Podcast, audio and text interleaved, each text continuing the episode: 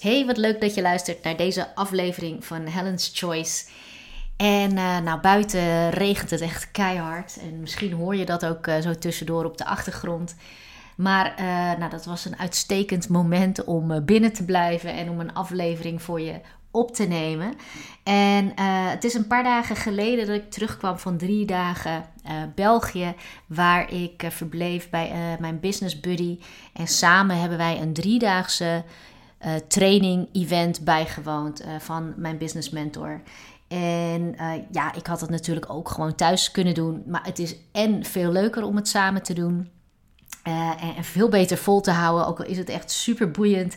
het begon om zes uur s middags en het eindigde zo om drie uur s'nachts ongeveer. En dat drie dagen achter elkaar.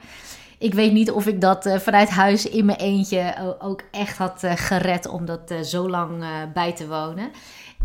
en toen ik daar was, um, ja, ervaarde ik eigenlijk weer wat ik iedere keer bij zo'n event uh, meemaak. Als het een uh, ja, event is, wat natuurlijk voor mij relevant is, interessant en gewoon natuurlijk goed gefaciliteerd. Um, maar ook wat ik eigenlijk soort van samen met andere ondernemers en in dit geval één ander iemand uh, in dezelfde ruimte ook meemaak. Um, je leert zoveel uh, vaardigheden. Uh, je, je krijgt allerlei inzichten. Uh, en zeker als je samen met iemand kunt sparren daarover. Ja, dan, weet je, dan is een doorbraak eigenlijk zo om de hoek. je, je ziet de dingen waar je normaal gesproken makkelijk overheen kijkt. Als je zelf nadenkt over de, nou, over de uitdagingen die je hebt in je eigen ondernemerschap. En dat heeft me ook geïnspireerd om deze aflevering op te nemen. Ehm, de aflevering gaat vandaag over dat je de emotie eruit wilt halen als je actie onderneemt uh, voor je bedrijf. En waarom is dat nou zo belangrijk? Um, eigenlijk gaat deze aflevering over je mindset, het veranderen van je mindset, het, het herkennen van patronen en overtuigingen die ervoor zorgen dat je niet doet wat er nodig is om ehm, jouw doelen te realiseren, om uh, de vooruitgang te boeken die je voor ogen hebt.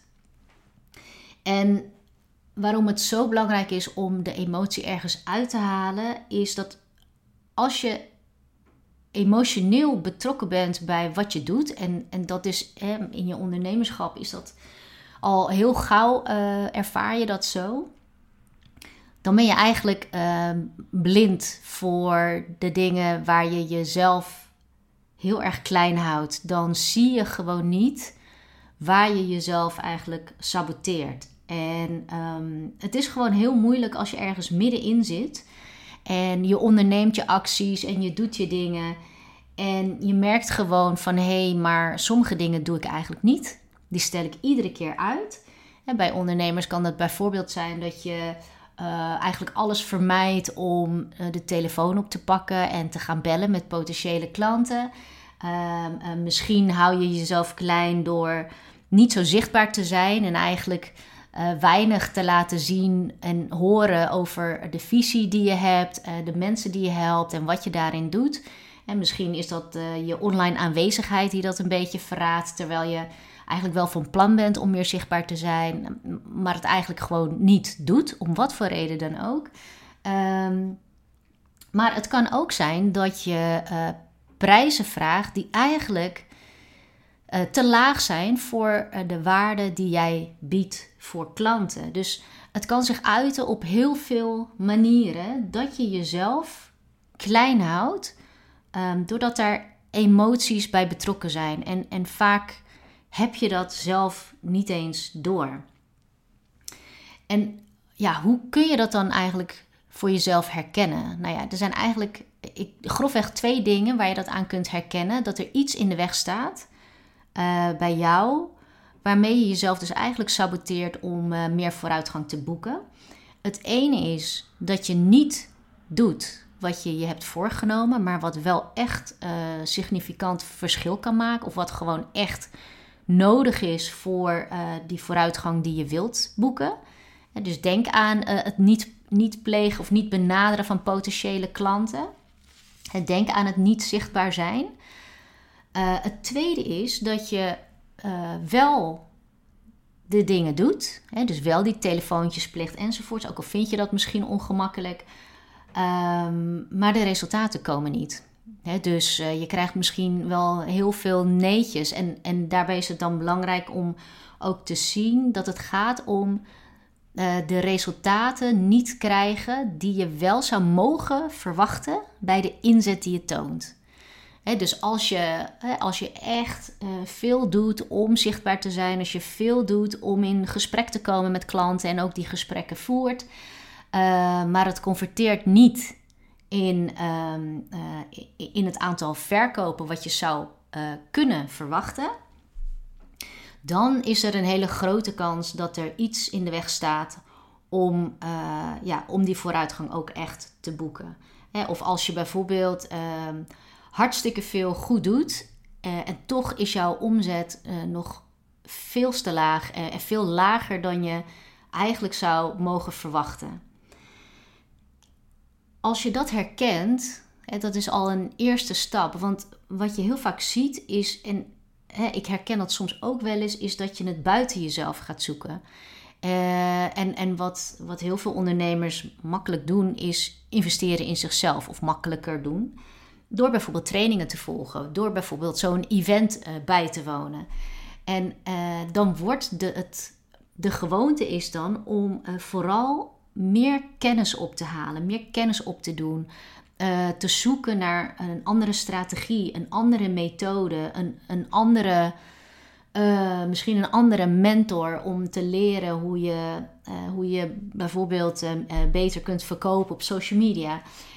Dus je zoekt eigenlijk altijd vaak buiten jezelf, omdat je eigenlijk gewoon niet ziet dat er iets bij jou is wat het echt tegenhoudt.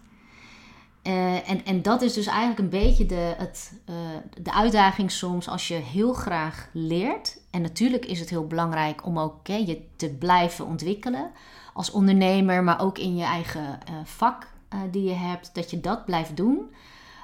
Um, maar de vraag is of je dat alleen doet om steeds beter te worden in wat je doet. Hè? In marketing of in, uh, in het coachen of in nou ja, wat, het, wat het ook is wat je doet. Of dat je dat eigenlijk ook doet omdat je denkt dat je daarmee re betere resultaten gaat behalen voor je bedrijf. Terwijl er misschien wel iets heel anders aan de hand is. En wat je dus kan doen om, ehm, om te zien of je jezelf daarin saboteert. Kijk, het makkelijkste is eigenlijk als je in gesprek bent met iemand die jou die vraag zou kunnen stellen. Maar je zou dit ook zelf kunnen doen door het voor jezelf uit te schrijven. dus kijk eens voor jezelf waar in jouw bedrijf jij niet de resultaten behaalt die je zou willen. En je kunt je afvragen, wat is het dan wat jij niet doet, wat jou wel verder zou kunnen helpen daarin? Of niet zoveel doet. Misschien doe je iets wel, maar niet voluit. misschien denk je, nou, ik, uh, ik wil zichtbaarder zijn op, uh, op social media, want daarmee uh, ben ik voor meer mensen zichtbaar en kan ik meer klanten, klanten krijgen. En ja, post je misschien één keer in de week. Terwijl als je daar objectief naar kijkt en je zou daar de emotie uithalen, wat zou er dan gebeuren? Wat zou je dan doen als je de emotie eruit zou halen? Ik kreeg die vraag ook van mijn uh, business buddy, omdat we het ergens over hadden. En, uh, uh, ja, en ze triggerde gewoon iets bij mij. En, en toen zij vroeg, ja, maar wat als je de emotie eruit haalt? En toen gaf ik een heel ander antwoord. Dus mijn vraag aan jou is: wat zou je doen als jij de emotie eruit haalt? Dus op het vlak in jouw bedrijf waar jij niet de resultaten behaalt die je zou willen zien, wat doe je daar niet of wat doe je daar niet voluit? En stel jezelf dan de vraag: wat zou je doen als die emotie eruit is? En als voorbeeld, uh, ik heb een aantal keren mijn programma gelanceerd voor carrière switchers. En nou, met lanceringen komt, daar komt zoveel bij kijken. Daar had ik zoveel, en nog steeds heb ik zoveel in te leren ook. Um, maar wat ik zo duidelijk heb ervaren is dat als je dan zoiets doet en je krijgt dan de resultaten en die, en die vallen dan tegen, hè, die zijn anders dan je gehoopt had en verwacht had, dan geeft je brein daar zo makkelijk een betekenis aan die, uh, ja, waar je gewoon een gevoel bij hebt van, nou, weet je, dit, dit werkt voor mij gewoon niet, of ik, misschien moet ik dat gewoon niet zo doen, of uh, en, en wat ik in de praktijk merkte in mijn gedrag, is dat ik het niet nog een keer wilde doen. Ik wilde eigenlijk heel lang wachten voordat ik eigenlijk nog een keer het programma ging lanceren. Terwijl je natuurlijk een leercurve hebt en je eigenlijk pas echt leert door dingen te doen, door te implementeren. door nog een keer te lanceren en nog een keer en nog een keer en nog een keer. En iedere keer te evalueren en te kijken van hé, hey, waar zou het volgende keer beter kunnen?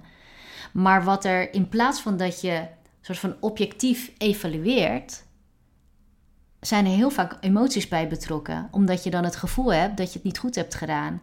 Omdat je dan allerlei ehm, eh, voorstellingen maakt in je hoofd van wat er gebeurd zou kunnen zijn, waardoor die resultaten tegenvallen.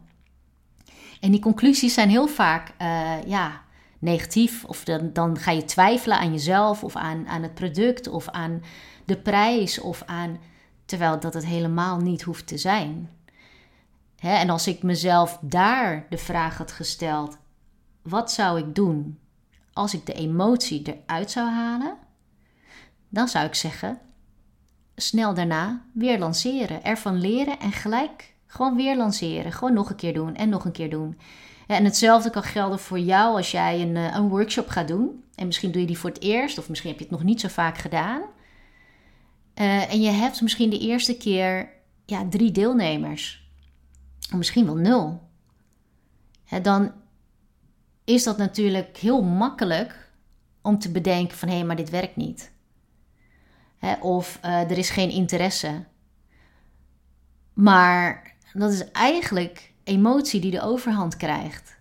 Want je kunt ook gewoon denken van ja, maar er zijn zoveel factoren die een rol spelen om bijvoorbeeld, uh, ik weet niet, 20 mensen in je workshop te kunnen krijgen. Hè, dat gaat niet uh, alleen maar over je, de workshop zelf, de inhoud ervan. Hè, dat gaat ook over marketing en hoe heb je het gebracht en, en hoe vaak heb je het aangekondigd? Hoe vaak heb je mensen direct uitgenodigd? Welke woorden gebruik je daarvoor? En hoe effectief waren die?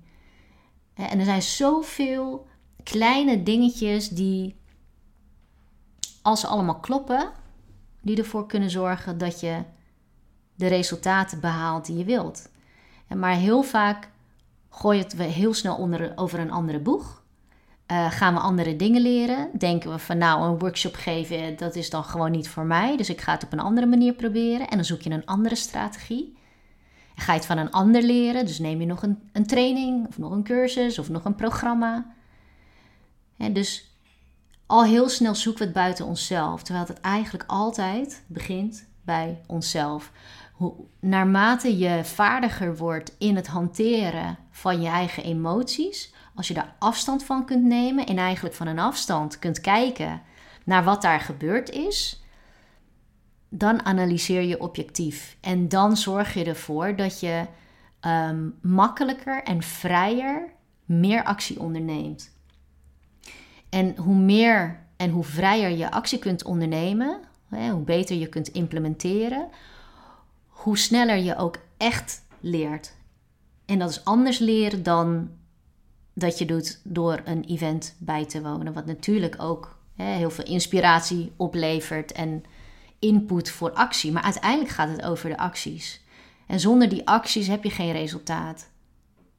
Nou, en misschien vraag je je af van ja, maar ik doe al de dingen al. Alleen de resultaten zijn er niet naar. En, en ergens, je weet ook wel dat je heel veel dingen eigenlijk goed genoeg doet om die resultaten te mogen verwachten.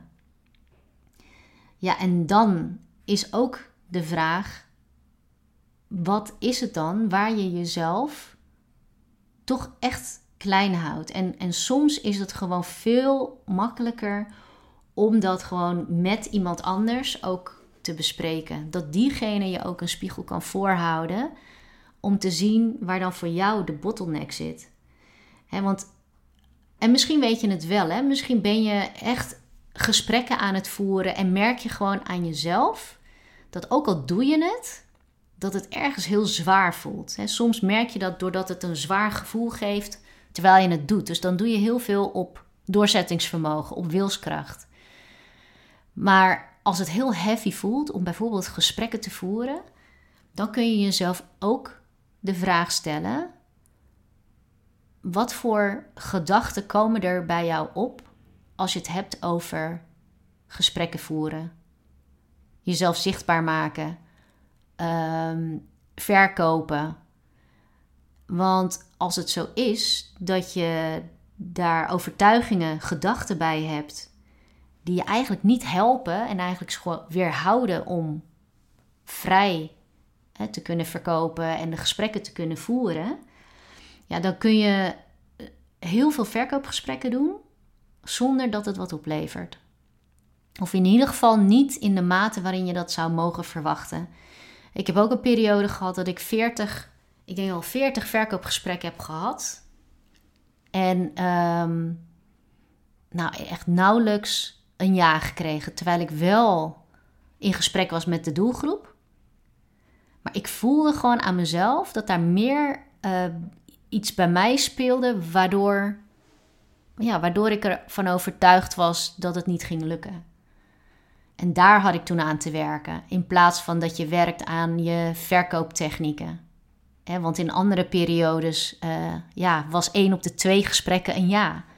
En toen bijna niks dus als er iets in de weg staat waarbij je gedachten hebt over dat verkopen misschien uh, iets negatiefs is of uh, uh, dat het voor jou onveilig voelt om je heel zichtbaar te maken. Weet je, het kan van alles zijn. Of dat je misschien jezelf niet waard vindt om veel geld te verdienen of om het goed te hebben. Al dat soort overtuigingen, dat, dat werkt echt als een soort handrem in je bedrijf. En dat is waarom het werken aan je mindset zo enorm belangrijk is. En natuurlijk zijn die marketingvaardigheden en je strategie ook belangrijk. Maar ik merk gewoon uh, aan nou ja, al, alle gesprekken die ik voer met, met mijn klanten. En het is trouwens niet alleen met ondernemers, maar met carrière switchers net zo. Alles waar je geen actie onderneemt die jou verder kunnen brengen en je, je zou het misschien wijten aan: ik heb geen tijd ervoor, of ik heb geen geld om erin te investeren voor hulp, of ik heb dit past niet bij me, of uh, dit, daar zitten mensen niet op te wachten.